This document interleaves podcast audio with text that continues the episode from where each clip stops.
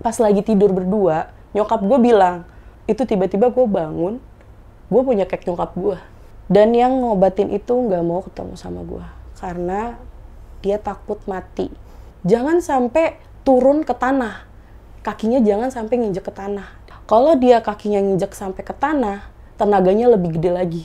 Yang masuk ke tubuh gue ini bukan satu, tapi 13.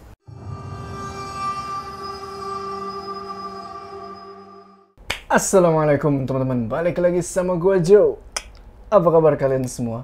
Semoga kalian semua yang menonton video ini diberikan kesehatan, dilancarkan rezekinya dan selalu dimudahkan urusan-urusannya dan selalu diberikan perlindungan dari wabah yang sedang melanda dunia saat ini. Dan doa untuk teman-teman kita yang kena bencana ya. Di video kali ini, kita nggak bakal bahas tentang pendakian horor. Tapi, cerita kali ini gue jamin bakalan bikin kalian nggak berani tidur sendiri. Kenapa gitu? Karena sekarang gue ditemenin April dari Lentera Malam. April, Iya bang. apa kabar April? Baik bang, alhamdulillah. Nah, April ini adalah adminnya Lentera Malam. Jadi kalau kalian suka DM-DM tuh, uh, kirim-kirim email, nah yang bales ini April. Gitu. Oke, jadi April ini mau menceritakan tentang pengalamannya yang cukup bikin gua ngeri sih. Waktu lu kesurupan 30 hari. Iya. Kesurupan sehari, enggak usah sehari, deh, sejam aja udah puyeng. 30 hari kesurupan. Oke, sebelum masuk ke cerita nih, mungkin kalian udah pada tahu channel Lentera Malam. Tapi, bagi yang belum tahu Lentera Malam, gue saranin kalian mampir ke sana karena di sana itu banyak cerita-cerita horor serem.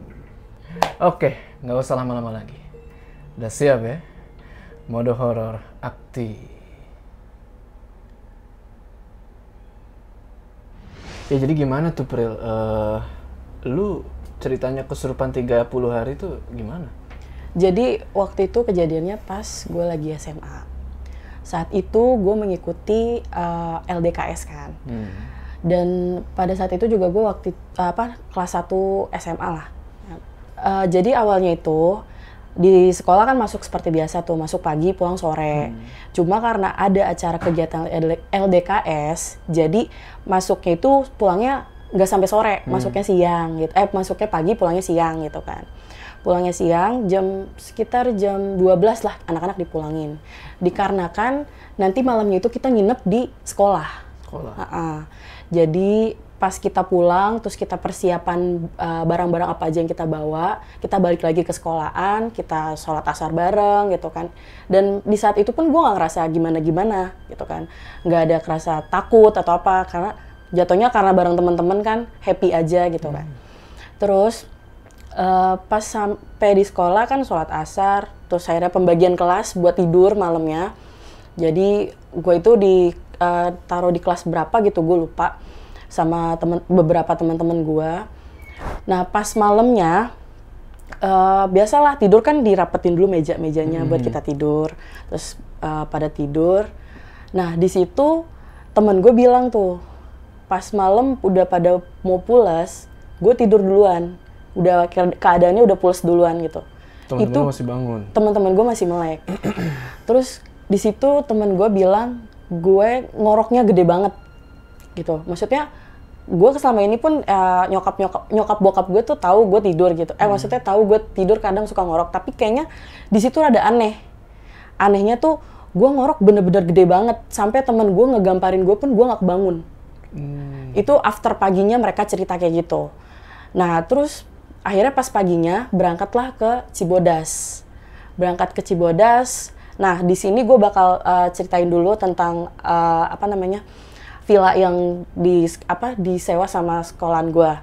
Jadi villanya itu lebih rendah daripada parkiran. Jadi ada lapangan buat parkiran, terus di sini ada villanya. Jadi kita mau menuju ke villanya itu harus turun ke bawah. Dan turun ke bawah, terus di villa itu ada aula, terus ada ruangan kayak ruang panitia mungkin gitu, kayak buat ada acara ada ruang panitia. Terus di sebelah sininya itu ada eh, kayak rumah panggung dari kayu, bawahnya itu toilet. Gitu. Nah akhirnya biasalah pembagian kelas, eh pembagian eh, Kelompok. ke- kelompok buat kamar. Terus akhirnya kita naruh-naruh barang pas sampai naruh-naruh barang terus disuruh makan siang gue biasa aja lah di situ mungkin memang uh, lebih ditatar kan kayak suruh buru-buru apa Hmm. gitu kan udah selesai itu pas malamnya pun tiba itu kan biasa kalau di LDKS suka ada jurit malam kan Jurit malam. Hmm. Pas di jurit malam, kita dikumpulin di aula, rame-rame semuanya. Di situ gue bingung dong, kita mau diapain sih, gitu kan? Udah diem. Terus gue nggak tahu kenapa kayak mungkin kalau sekarang gue mikirnya senior gue bikin drama di depan itu, di depan a- apa namanya? Jadi di aula itu kan ada panggung gitu kan Iya. sedikit. Oh, Kayak kayak mereka bikin- gitu. Uh-uh, mereka bikin drama gitu lah, kayak berantem gitu kan. Gue sampai bingung sama teman-teman gue gitu, nih orang kenapa sih gitu kan. Di situ nggak lama uh, senior gue teriak kenceng banget, dan gue sampai anjir nih kenapa gitu kan dalam hati gue. Tiba-tiba lampu dimatiin, plek. Gue memang tipikal orang yang sangat takut uh, kegelapan, gue fobia kegela- kegelapan gitu kan.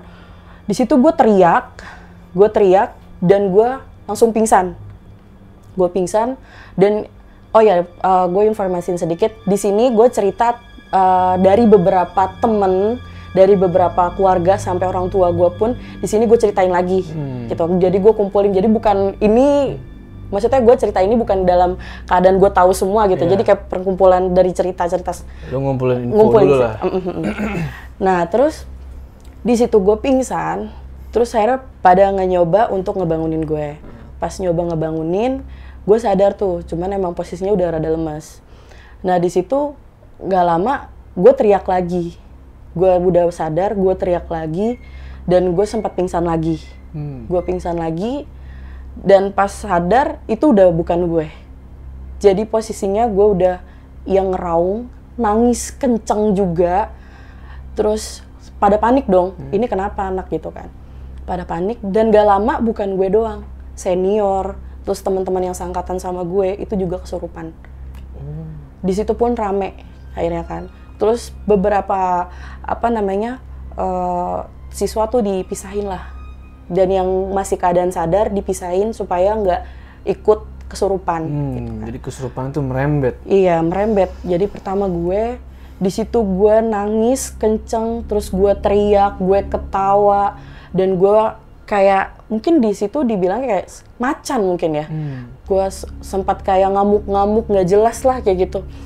Udah dicoba tuh sama sama senior gue dulu lah buat ngobatin kan. Ternyata senior gue nggak ada yang bisa Hmm.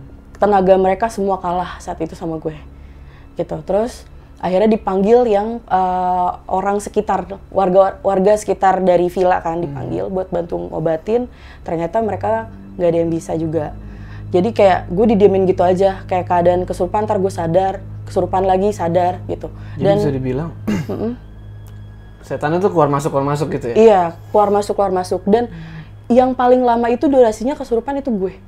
Teman-teman gue tuh yang lain udah pada sadar, udah gitu kan. Itu gue nggak kayak sadar sebentar, begitu lagi, sadar sebentar, begitu lagi gitu. Sampai akhirnya teman-teman gue pada takut semua kan. Mereka masuk ke kamar, terus gue ditinggalin di situ sama senior-senior gue yang ngurusin LDK saat itu. Gue di, sampai dimasukin ke ruangan panitia buat ngindarin nggak ada yang kena juga gitu kan. Di ruang panitia pun sama itu udah sampai pagi gue tetap kesurupan. Sadar sebentar kesurupan lagi sadar sebentar kesurupan lagi. Akhirnya karena keadaan gue udah yang makin parah pas gue sadar buru-buru lah kita balik ke sekolahan lagi ke Jakarta. Pas balik ke Jakarta eh, keadaan pun gue udah normal. Cuman di situ jujur gue ngerasain kayak raga gue itu nggak di badan gue jadi kayak gue ngerasa ngambang. Kayak gue nggak nyatu nih badan gue nih gue nggak nggak- nggak nggak nyatu sama raga gue nggak nyatu gini kayak ada yang halangin gitu. Nah Tapi lu sadar kan? tapi gue sadar tapi gue nggak inget semua ap- apa pun yang gue lakuin. Hmm. nah terus akhirnya pas gue pulang gue dijemput sama bokap gue terus akhirnya gue diantar uh, ke- pulang ke rumah kan sama bokap gue di rumah pun gue udah keadaannya ya udah sadar aja gitu cuman ngerasanya gitu ng- ngambang aja gitu kayak gak netep di raga. After itu besokannya sekolah lagi kayak biasa. Gue masuk sekolah lah gitu kan. Gue masuk sekolah seperti biasa nah cuma biasa lah kalau anak SMA suka main apa ledek-ledekan. Hmm. temen SMA gue ada yang ledekin gue iya Pri lu kenapa lu kemarin? Aing maung aing maung gitu lah diledekin. Entah kenapa di situ gue kesel banget gitu kan gue kesel gitu. Kesel banget gue gebrak meja brak gue diri dan di situ gue kambuh lagi. Dan ternyata bukan gue aja terjadi lagi kesurupan massal pas di sekolah gue semua anak-anak kena juga kesurupan.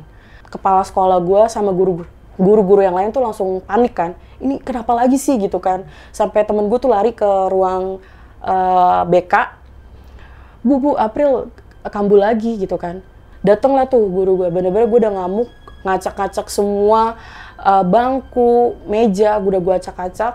Terus akhirnya bokap gue ditelepon dong buat jemput gue gitu. Akhirnya sekolah pun dibubarin lebih cepat lagi. Jadi uh, pulang sekolahnya dicepetin. Itu sekolah lu uh, sebelumnya pernah ada kejadian kayak gitu sebelumnya? Gue kurang tahu cuman kayaknya belum ada.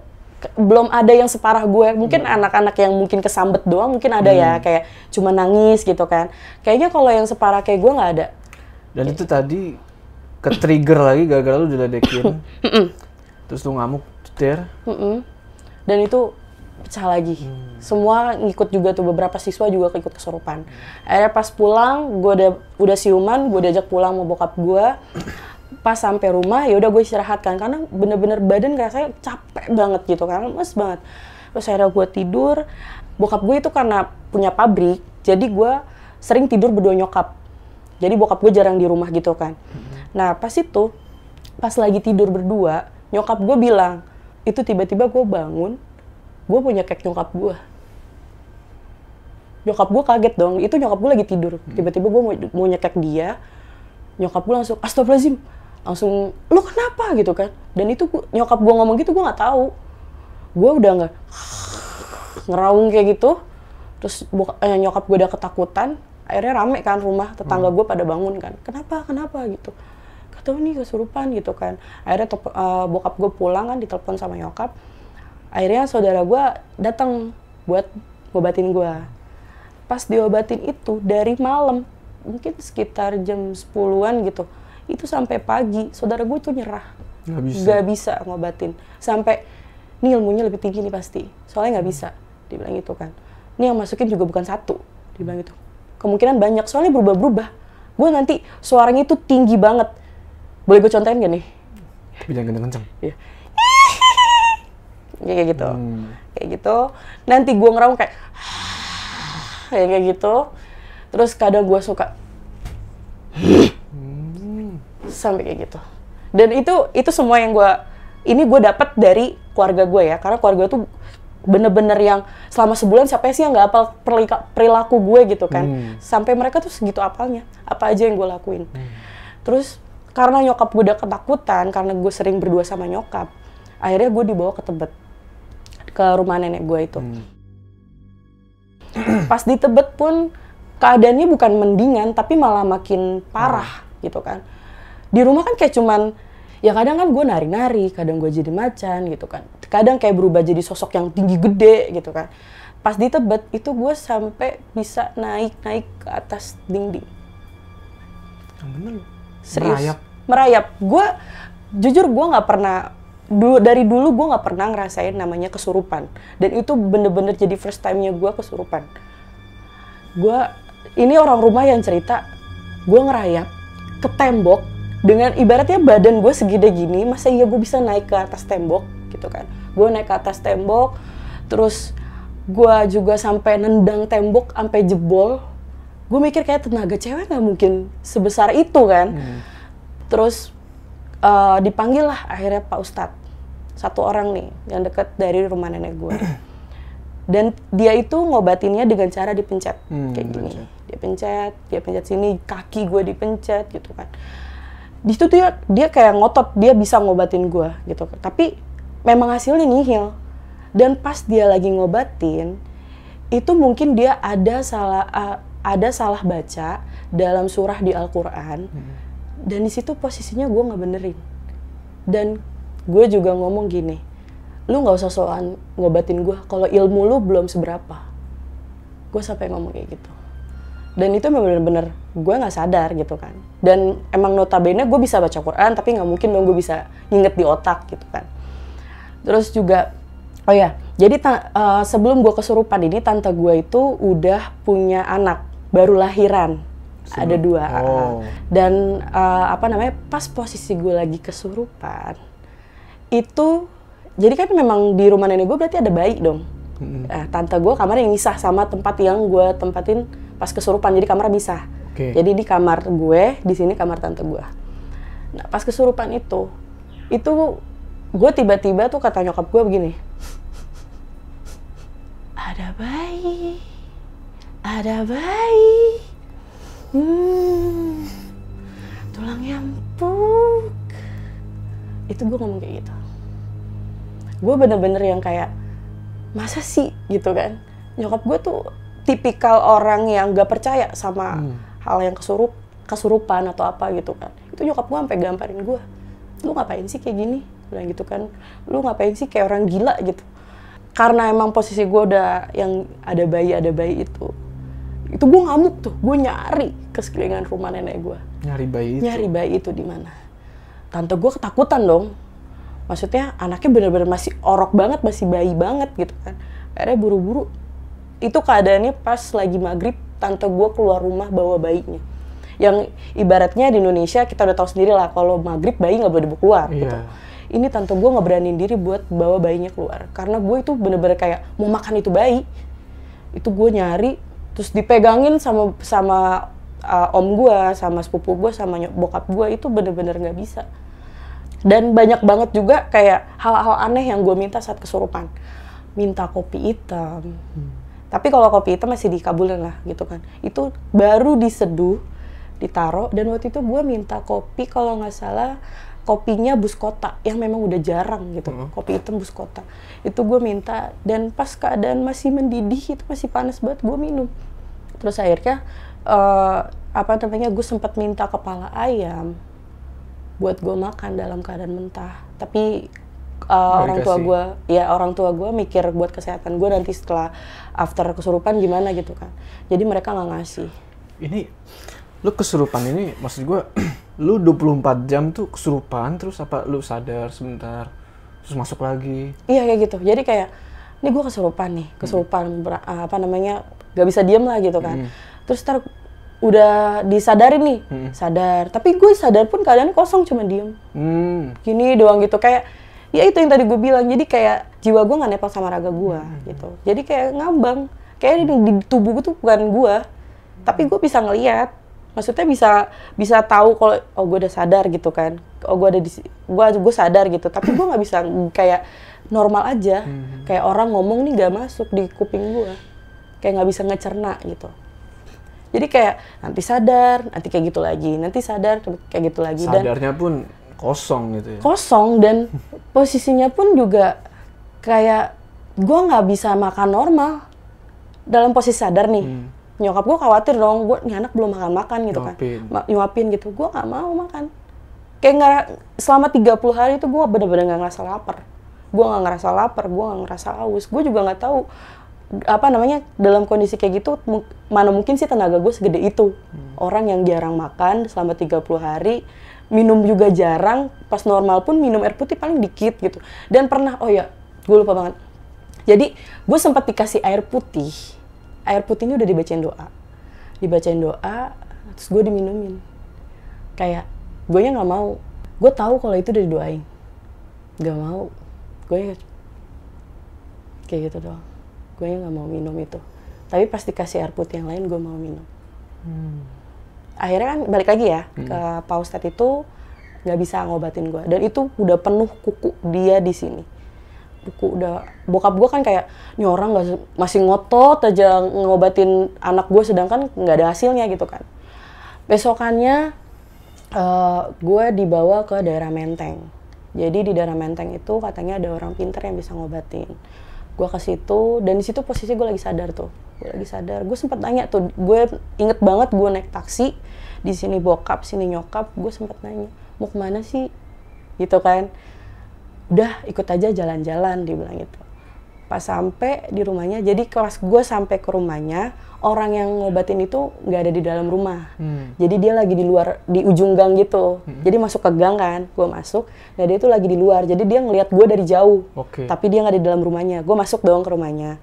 Pas masuk ke rumahnya eh, saudaranya bilang saya panggilin yang ngobatin dulu ya saudara saya lagi di luar gitu udah tuh gue diem aja liatin ini di, di mana gitu kan. Dan yang ngobatin itu nggak mau ketemu sama gue karena dia takut mati. Karena posisinya yang masukin gue itu ilmunya lebih tinggi daripada dia. Terus? dan Nggak jadi? nggak jadi. Gue nggak jadi diobatin di situ. Bokap bokap gue kayak lemes gitu kan. Ini anak mau dibawa ke mana lagi? gitu kan. Akhirnya pulang lah ke rumah dengan yang hasil nggak ada hasilnya gitu kan pulang ke rumah. Dan kayak gitu lagi gue kesurupan lagi. Ada cerita lucu sih. Jadi tante gue ini emang deket banget sama gue kan. Gue lagi tiduran dia pikir gue udah normal. Dia mikir gue udah normal gue lagi tiduran dia bilang "Eh, Pril tante tidur sini ya. Jadi kan kasurnya lumayan gede jadi muat buat buat dua orang gitu kan. Pril tante tidur sini ya sambil nyolek nyolek Pril tante tidur sini ya gitu kan. Terus dia lagi naruh badan gak lama gitu lagi dan ngab kabur dia langsung. Dia mikir gue udah normal. Dia langsung kabur. Astagfirullahaladzim kayak gitu lagi tuh gitu kan. Itu dipegangin itu cowok sekitar ada lima orang lah. Dan rata-rata keluarga gue tinggi gede semua kan badannya. Itu nggak ada yang kuat megangin gue terus akhirnya eh, keluarga gue dapat lagi tuh kenalan orang pintar di daerah Bogor. Gue dalam keadaan kesurupan itu bener-bener dipaksa dibawa digotong rame-rame gue keluar rumah dimasukin ke mobil. Jadi kan kalau mobil kan seatnya ada tiga tuh. Iya. gue ditaruh paling belakang seat terakhir di sini bokap di sini om gue jadi gue di tengah. Gue di tengah terus di depan ada saudara gue sama nyokap gue di depan. Itu selama di perjalanan semakin deket ada ke rumah orang pintar itu itu mobil semakin goyang. Di dalam gue ngamuk kan main. Sampai polisi tuh cepat nyamperin. Hmm. ada apa sih di dalam bilang gitu kok mobil goyang-goyang? Takut polisi mungkin yang ngendarain mabuk atau Iya. gimana kan? Pas polisi tahu oh ya udah pak silakan. Jalan lagi gitu kan. J- eh, akhirnya orang pintar sempat ngomong nih kan di ka- apa tetap tetap teleponan kan karena takutnya gue itu tuh loncat dari mobil Hmm. ya kan. Eh, orang pintarnya nelpon "Eh, emang kayak gitu nanti kalau makin deket makin ngamuk dia bilang gitu kan. Jangan sampai turun ke tanah kakinya jangan sampai nginjek ke tanah.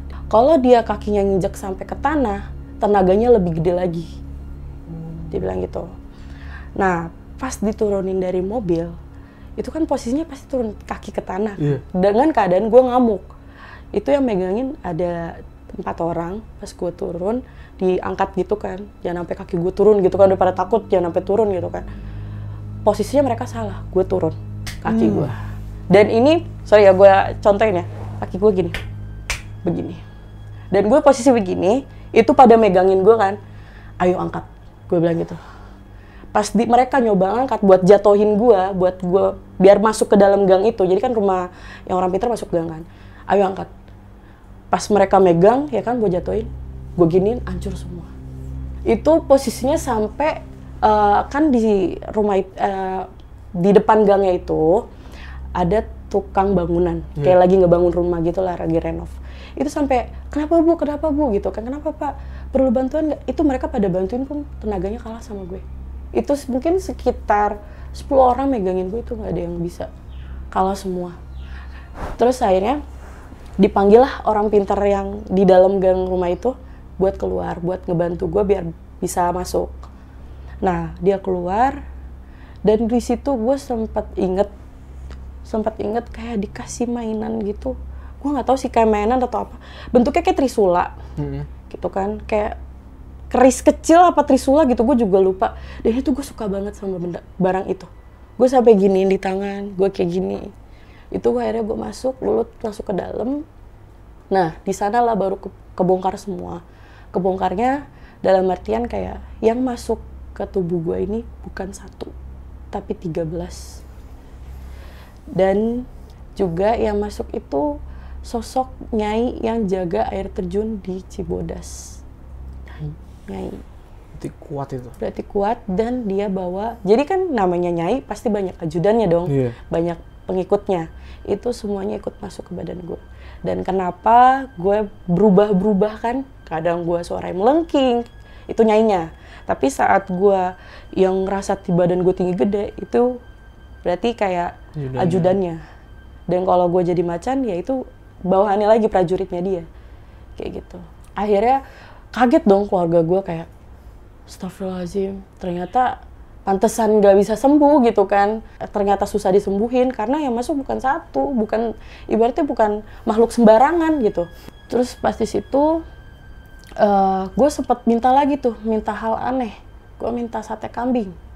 Akhirnya dikasih tuh, tapi dalam keadaan mentah. Cuman di kayak keadaan mentah dikasih, cuman diledekin doang. Sama yang orang ngobatin gue diledek. Mau ya, mau ya, digituin Hmm, kan. Akhirnya di, udah ya dibakarin dulu, dia bilang gitu. Akhirnya dibakarin, terus gue makan sate kambing di situ. Kayak nurutin kemauan gue kan dia. Nah, ternyata ruang untuk dia ngobatin gue itu berbeda sama ruang yang keluarga gue tunggu. Jadi ada ruang tamu sama ruang Oh. dia bu- buat ngobatin. Di ruangan itu gue inget banget yang ngobatin gue itu masih muda lah orangnya gitu kan. Gue panggil dia AA. Sorry, Si- gue lupa. Ini di hari keberapa nih? Ini hari terakhir 30.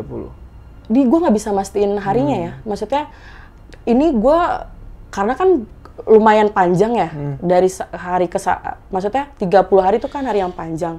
Jadi keluarga gue pun teman-teman gue pun kayak ceritainnya nggak bisa hari pertama, hari kedua gitu. Jadi kayak udah menyeluruh aja gitu kan. Kejadiannya menyeluruh aja gitu. Nah terus pas gue dimasukin ke ruangan itu, jadi yang ngobatin gue orang orangnya rada muda, dia di belakang gue, eh di di depan gue duduk, gue bersila, dia di bersila di depan gue. Di belakangnya itu ada nyokap yang A ini, nyokapnya sama anak buahnya. Dan di situ posisinya gue tatap-tatapan sama dia. Gue tatap-tatapan. Dan gue ngerasain kayak ya ada energi antara gue sama dia. Terus gue tatap-tatapan. Kenapa kata dia? kalau seneng sini aja kalau sedih dalam anak ini gitu di sini aja gue cuman geleng gitu kan. Terus gue ketawa lagi tuh. Kayak ketawa ibaratnya gue ngeledekin ini orang di depan gue yang ngobatin gitu kan. Terus akhirnya gue dikasih lagi tuh mau ini enggak yang yang tadi gue bilang tuh kayak trisula atau keris gitu kan. Mau ini enggak suka nggak sama ini? Mau masuk sini enggak gituin mau masuk sini enggak gitu. Gue sempat ngangguk tuh. Bener nggak nih? Bilang gitu kan udah terus akhirnya dibujuk lah buat keluarin kan ini siapa? Dita sempat diajak ngobrol lah. Dan oh ya selama gue kesurupan juga gue ngomongnya bahasa Sunda. Sunda. gue notabene orang Jakarta lahir di Jakarta gue nggak bisa bahasa Sunda di situ gue bisa bahasa Sunda.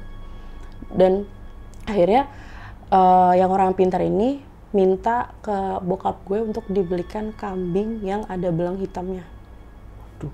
jadi dia bilang itu jiwa gue itu ditukar sama kambing. Hmm. jadi karena kan uh, si nyai ini mau gue ikut sama dia gitu ke alamnya dia. Tapi kan karena ya mana ada yang relasi anaknya ikut gitu.